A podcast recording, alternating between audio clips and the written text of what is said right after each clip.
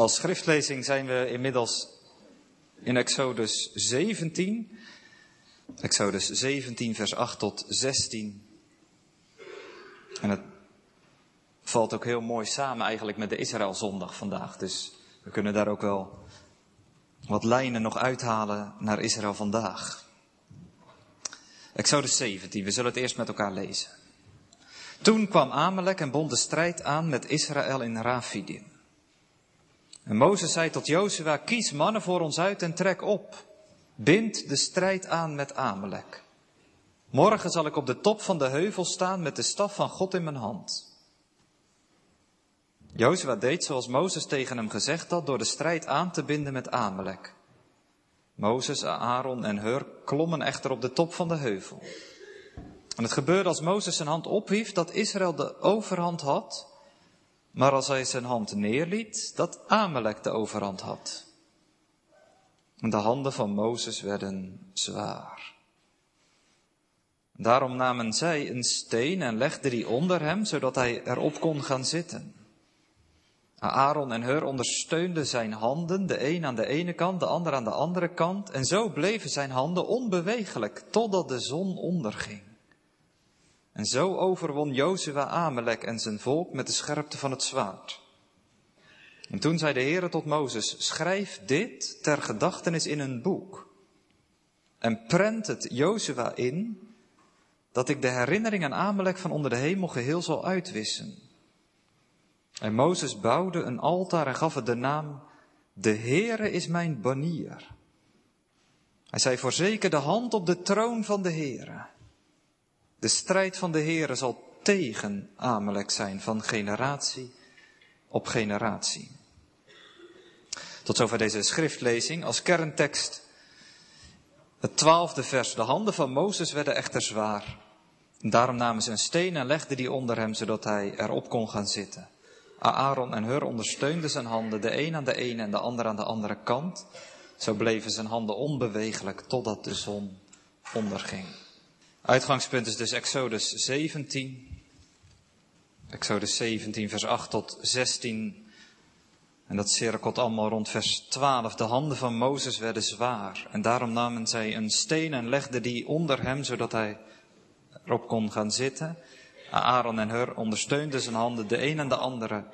Een aan de ene kant, de ander aan de andere kant. Zo bleven zijn handen onbewegelijk, totdat de zon onderging.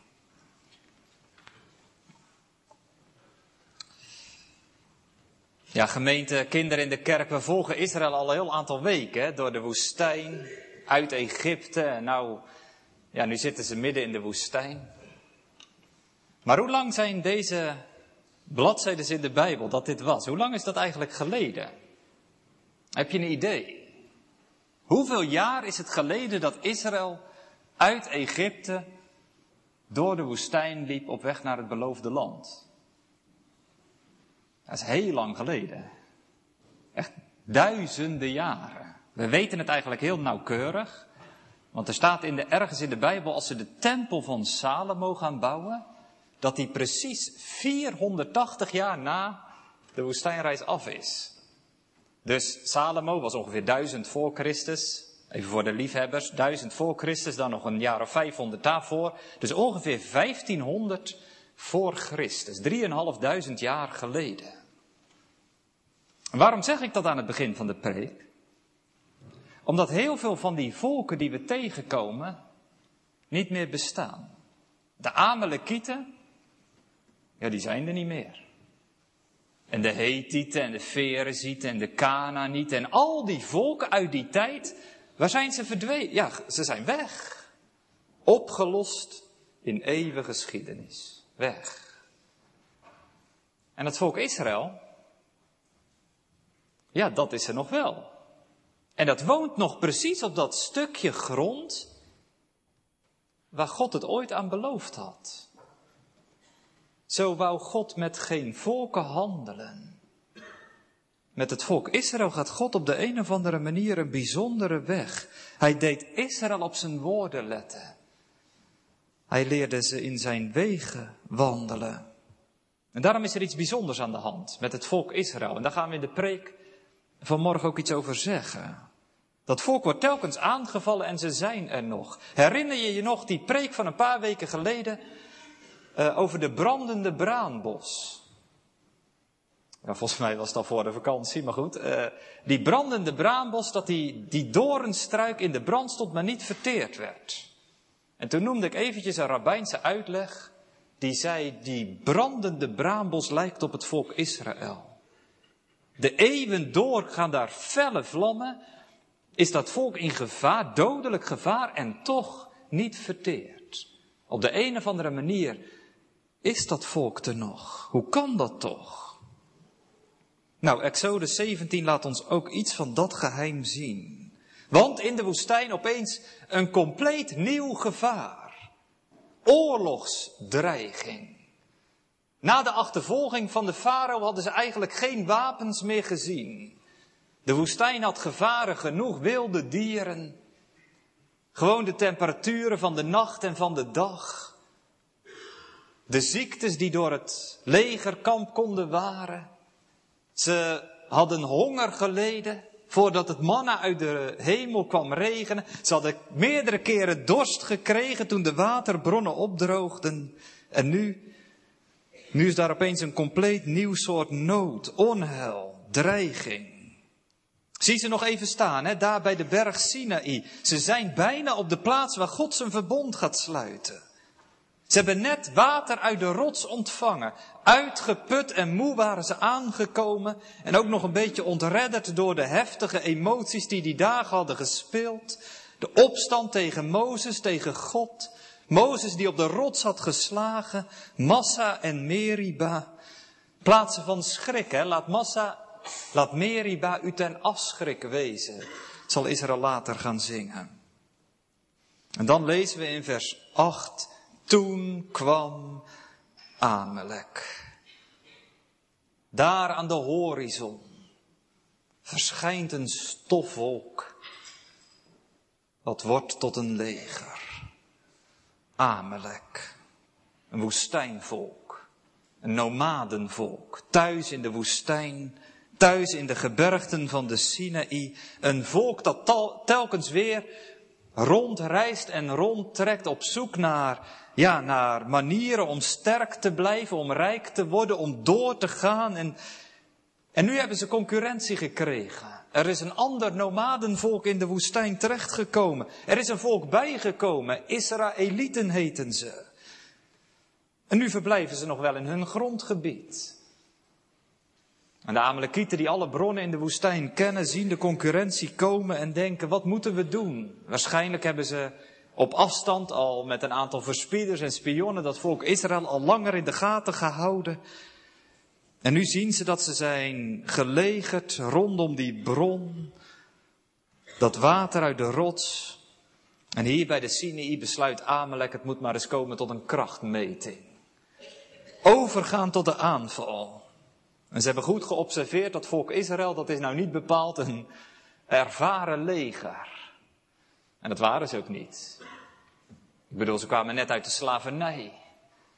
Uit, e- uit Egypte waren ze getogen en, en die woestijnreis hadden nog niet erg ja, de gelegenheid gekregen om op krachten te komen. Laat staan om wapens en, en trainingen. En dat, het was een onervaren volk en, en bovendien in een vreemd gebied. Wie van Israël was ooit in deze woestijnen geweest? Nee, dan de Amalekieten. Een thuiswedstrijd. Zij kenden de gevaren van de woestijn, maar ze kenden ook de voordelen van de woestijn. En Amalek durft het wel aan. En zo trekken ze richting Israël. Toen kwam Amalek en ze bonden de strijd aan. Ja, die economische motieven zullen wel het meeste doorslag hebben gegeven. Israël was tenslotte wel een rijk volk met zilver en met goud belaan, blijmoedig uit Egypte gegaan, zegt de psalm. Ze waren vol met goud en zilver vertrokken. De farao had ze, ja, als ze, soms zeggen, zegt de schrift zelfs, ze hebben e- Egypte haast bestolen. Zo, zo hebben al die mensen van Egypte gezegd, hier ons goud en zilver, ga maar. Dus ja, rijk waren ze genoeg. Heeft dat de Amalekieten aangetrokken? Waren ze bang voor hun grondgebied en wilden ze dat verdedigen. Er zit misschien nog een diepere laag in.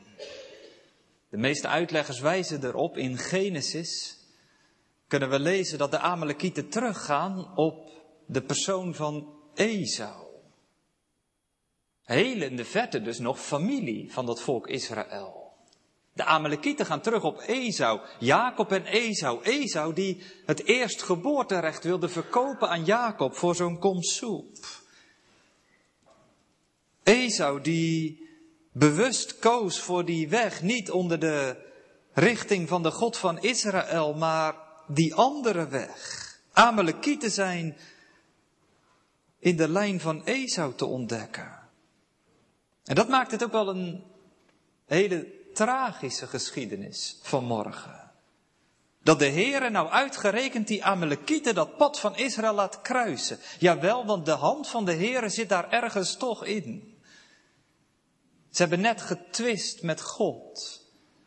En nou zendt God Amalekieten om met Israël te twisten. Laat Massa, laat Meriba u ten afschrik wezen.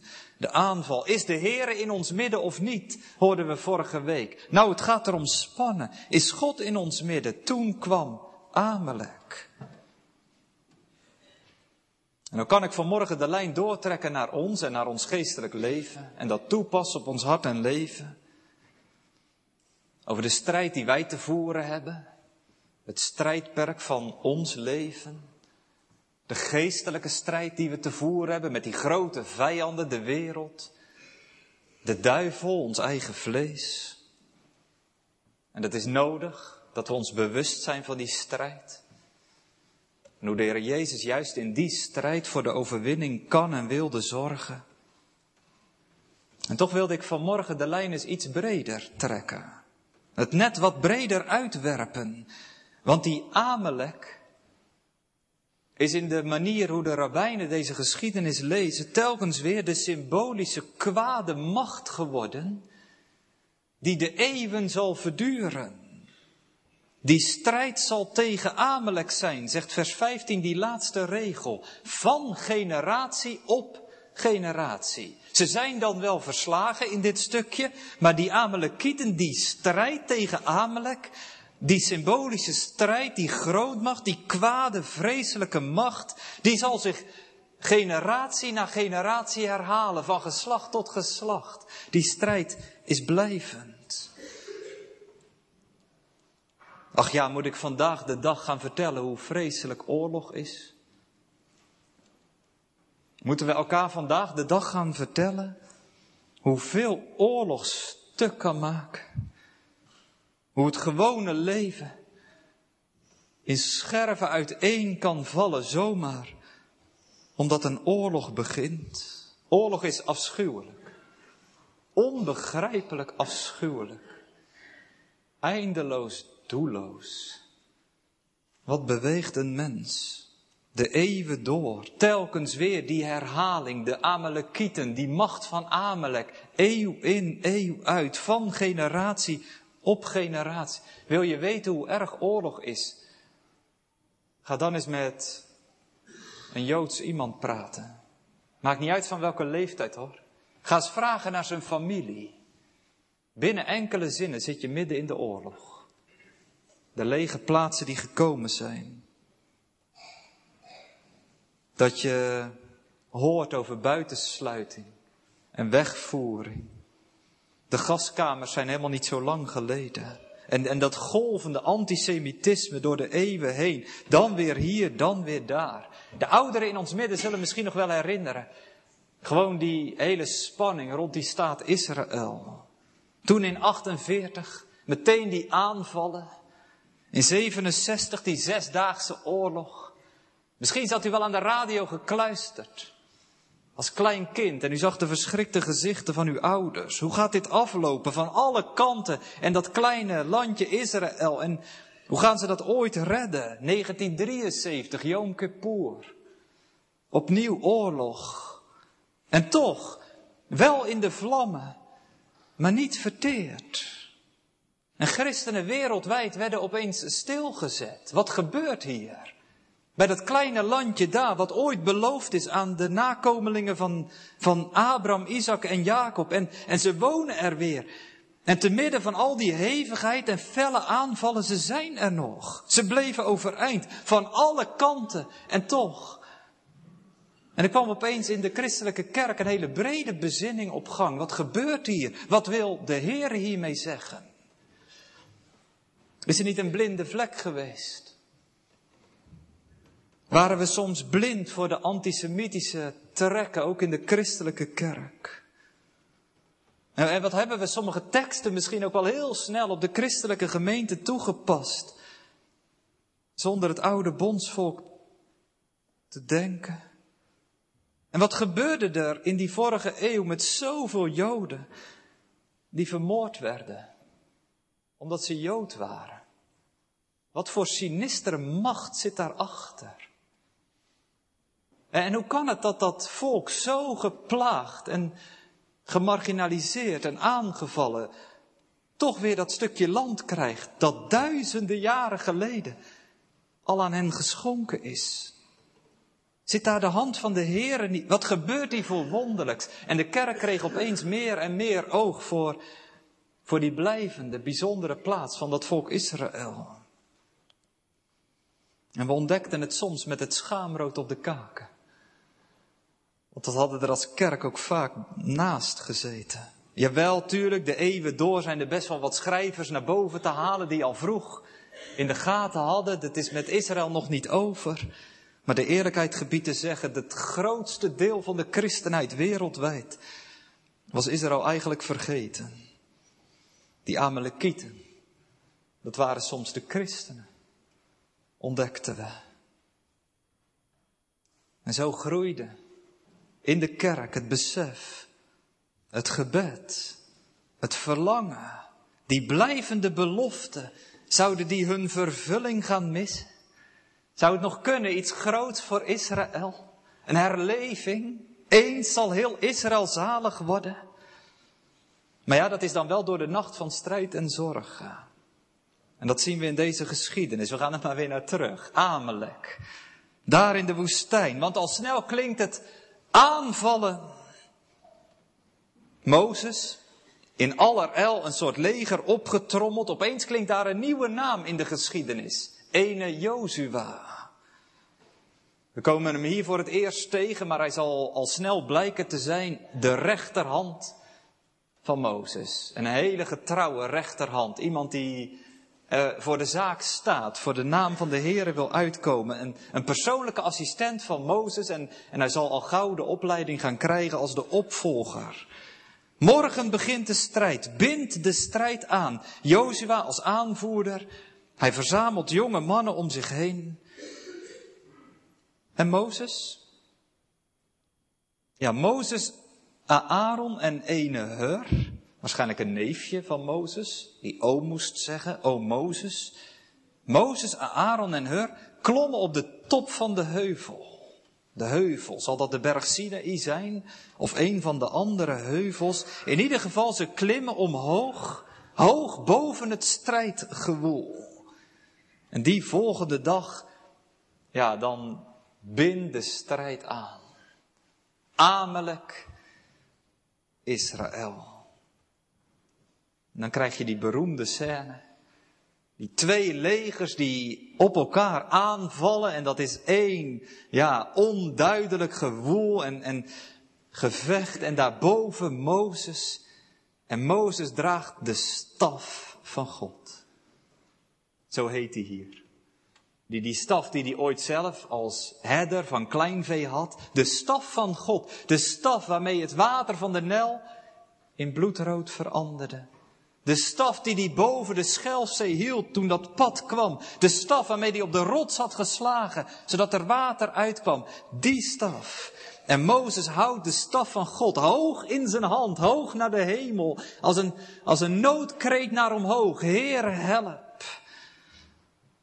En hoe hoger die de staf heeft, hoe meer Israël wint en hoe meer de Amalekieten moeten wijken. Maar ja, kinderen in de kerk, wat gebeurt er? Hou je lege handen maar eens een tijdje omhoog. Op een gegeven moment gaat het trillen. En als je er dan zo'n zware staf in hebt. En Mozes meer dan 80 jaar is die, hè? Een oude man geworden. Zijn handen beginnen te trillen. En hij voelt, die, die staf zakt langzaam aan naar beneden, de krachten wijken. En, en met dat hij het ziet gebeuren, ziet hij dat leger voor zich. De Amalekieten beginnen weer terrein in te winnen. En, en gauw houdt hij die staf weer omhoog, zijn gebeden tot God. En, en ja hoor, hij ziet weer die Israëlieten beginnen weer terrein te winnen van de Amalekieten. En zo, zo gaat dat heen en weer. En telkens als hij de staf naar beneden laat zakken, ziet hij, we verliezen. En, en dan zo ontroerend, zien we in de Bijbel Aaron en Heur. En je ziet ze even naar elkaar kijken. Ze zien Mozes zijn krachten afnemen, zijn gebed verslappen. Hij redt het niet. En ze zien de vreselijke gevolgen op het strijdveld. En, en ze kijken elkaar aan en dan pakken ze samen een stevige steen. Rollen die richting Mozes en zeggen, ga maar zitten Mozes. Nou, je staf is omhoog en met beide armen pakken ze Mozes armen. En ze ondersteunen hem dat hij die staf omhoog houdt. Heer, ik voel mijn krachten wijken, haast bezwijken, haast u tot mijn hulp en red. En ze zijn er. God geeft hulp voor de moeder Mozes, Aaron en Heur. Ik vond het een ontroerend plaatje. Maar ook wel een heel scherp plaatje. Ook al als het gaat over hoe we met elkaar omgaan. Mag ik dat ook gewoon eens heel concreet in ons midden neerleggen? Hier heb je die heur, hè? Die oom moet zeggen tegen de oude Mozes. Wij draaien het soms wel eens om dat we zeggen, nou ja, die ouderen die moeten tot ondersteuning zijn van de jongere generaties, hè? Moeten identificatiefiguren zijn, moeten helpen, moeten bijstaan, moeten proberen om die jongere generaties, en dat is allemaal goed hè. Maar hier is die jonge her, die die oude Mozes overeind houdt. Hier is het heel concreet, die her die als jonge man die oude Mozes helpt. Ik dacht eventjes, wat doe jij om de oudere generaties te ondersteunen? Neem in gedachten even een oudere. Misschien wel eentje die de Heer nu in je gedachten brengt. Wat zou jij kunnen doen om hem te ondersteunen? Voor wie kan jij een heur zijn? Ondersteuning van zijn armen. Mensen die de kracht zelf soms niet meer zo hebben. En dat jij iets voor ze doet. Gewoon als generatie eronder of nog weer daaronder. Een boodschapje hier. Eén keer in de week eten. Gewoon een beetje gezelschap, een praatje. Ondersteunen in het gebed.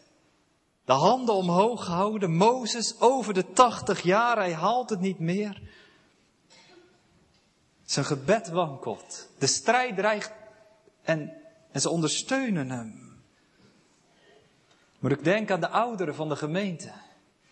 En al die huizen over Sliedrecht, Park, Zicht, Waardhoven, thuis. Dan kom je soms hè, in die. En dan zie je met die weeksluitingen van die mensen die dan rolstoel rijden en ze dan brengen bij de weeksluiting. En dan zie ik soort, een soort hur. Ze ondersteunen.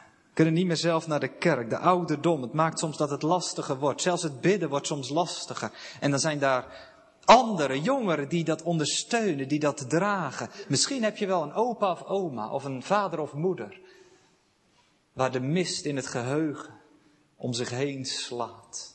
De dementie neemt toe. Dat bidden en bijbellezen soms lastiger wordt. Dat jij ze mag dragen, opdragen aan de troon van de genade. De handen van Mozes werden zwaar en ze steunden hem. Maar goed, voordat de ouderen nu achterover leunen en denken, kijk, dat moeten de jongere generaties dan maar eens doen. Het is ook andersom. Want daar staat Mozes boven op die heuvel, samen met zijn broer. En ze kijken naar beneden. Daar beneden, daar woedt de strijd. Misschien wel letterlijk, vanuit je appartement. Kijk je zo naar beneden. Zie je s ochtends al die, die jongeren, die tieners weer naar school toe fietsen. Zie je ze allemaal weer naar hun werk toe gaan. Gewoon dat strijdperk van het leven. Van de opvoeding, van alle strubbelingen en worstelingen. Daar beneden, daar woedt het gevecht. En daarboven, er wordt gebeden. Deze geschiedenis laat zo concreet zien de kracht van het gebed. Heel direct, als de bidders stoppen, verliezen ze. Als de bidders strijden, winnen ze. Het krachtige gebed van een rechtvaardige vermag zoveel. Soms zou je wel willen dat het, dat het gebed zo direct zichtbaar was als hier, omdat we dan zo worden aangemoedigd en aangespoord in de gebeden. Jozua beneden, Mozes boven. Zie je die twee hoofdpersonen uit het gedeelte van vandaag? Mozes, Jozua, de bidder, de strijder. Boven op de berg, de voorbidder. Beneden de strijder. De bekende uitlegger Matthew Henry zegt, die twee, twee figuren, die twee personen, beide is nu Christus. Beide wil nu voor ons zijn, de Heer Jezus, de voorbidder in de hemel, hoog boven ons uit. En tegelijkertijd de strijder om ons heen, de held die voor ons strijdt. Hij is de voorbidder. Ik las bij de Engelse predikant Spurgeon. Hij zegt, hoe bemoedigend is, het, is de gedachte aan die nooit aflatende voorbidden, voorbeden van de Heer Jezus. Als wij bidden, smeekt Hij voor ons. En als wij niet bidden, pleit Hij voor ons. Door onze smeekbeden beschermt Hij ons tegen ongeziene gevaren. Wij weten te weinig van wat we te danken hebben aan de gebeden van de Verlosser. Als we eenmaal de heuveltoppen van de hemel zullen bereiken en we mogen terugkijken op heel die weg van de Heer in ons leven, dan zullen we Hem loven die voor eeuwig de troon onze zaak tegen onzichtbare vijanden heeft bepleit. Ik heb voor u gebeden dat uw geloof niet ophouden. De Heer Jezus is de hemelse voorbidder. En met zijn staf hoog omhoog voor de troon van de Vader is die aan het bidden. Ik heb voor u gebeden dat uw geloof niet ophouden. Zo een rijke zaligmaker hebben we gemeend. Die niet alleen aan het kruis de verlossing heeft bewerkt. Niet alleen de schuld wilde wegnemen, de toren wilde stillen. Niet alleen de zonde wil vergeven. Maar hij is voor ons aan het bidden. Dat het geloof niet ophouden. Als een Mozes hoog omhoog. En tegelijkertijd als een Jozua. God, God, o held, uw zwaard aan uw zijde. Uw blinkend zwaard zo scherp gewet en strijden. Rijdt zegenrijk in uw heerlijkheid. Christus is de gezegende strijder. Als die wordt getekend door uh, Bunyan in de heilige oorlog als de prins Emmanuel die de stad mensenziel gaat innemen. Dan wordt hij getekend in al zijn heerlijkheid met de gouden glans, de kleding, als de ruiter op het paard, de held die voor ons strijdt. De banier hoog omhoog, de Emmanuel. Hij is de strijder als een Jozua. Jezus, de Heere red, de bidder, de strijder. Die nooit volprezen naam van de Heer Jezus. Hij is het allebei in één. Zo, zo wordt hier de strijd gevoerd. Ja, en die strijder en die voorbidder heeft tegelijkertijd die wondermooie naam. Koning van de vrede. Vredevorst. Een vrede waar de wereld zo naar snakt. Omdat eeuw in eeuw uit die strijd maar doorgaat. Dan hoeven we niet alleen aan oorlogssituaties te denken.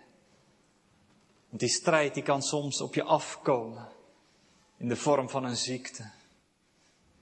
Die strijd kan op je afkomen in een vorm van een aanvechting. Soms kan je hart zo in die strijd worden meegevoerd dat al je hoop en moed dreigt weg te zinken. Soms kan het zo donker worden in je leven dat de hoop op God verdwijnt. Soms kan je zo hopen op God en, en er lijkt maar geen antwoord te komen. Soms kunnen de omstandigheden van het leven van alle kanten dat, dat de hel losbreekt over je. Die strijd, dat strijdperk, hij is de vredevorst. Hij is uit op de vrede van je ziel. Hij is uit op de vrede van deze wereld. Het is het evangelie van de vrede. Vijanden worden met God verzoend. Oorlog komt uit de hel. Vrede uit de hemel. Amalek Israël. Jozua, de strijder, Mozes, de bidder. Gemeente, we kunnen nooit te veel verwachten van de Heer Jezus. Hij is tot op de dag van vandaag bezig om te bidden en te strijden. En zo, ja, zo winnen ze dan die oorlog. Vers 13, zo overwon Jozua Amalek met zijn volk met de scherpte van het zwaard. En dan zou je kunnen denken, nou hier stopt dan de schriftlezing en dan ga je naar hoofdstuk 18.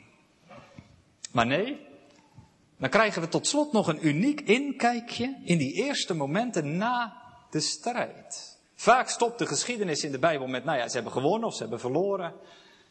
Zo en zoveel uh, waren er gestorven, zoveel sneuvelden er in de strijd, er komen er nog wat aantallen en dan stopt het gedeelte. Maar hier krijgen we dan even een inkijkje in, ja, hoe ziet het eruit na de oorlog? En het is een venijnige oorlog geweest.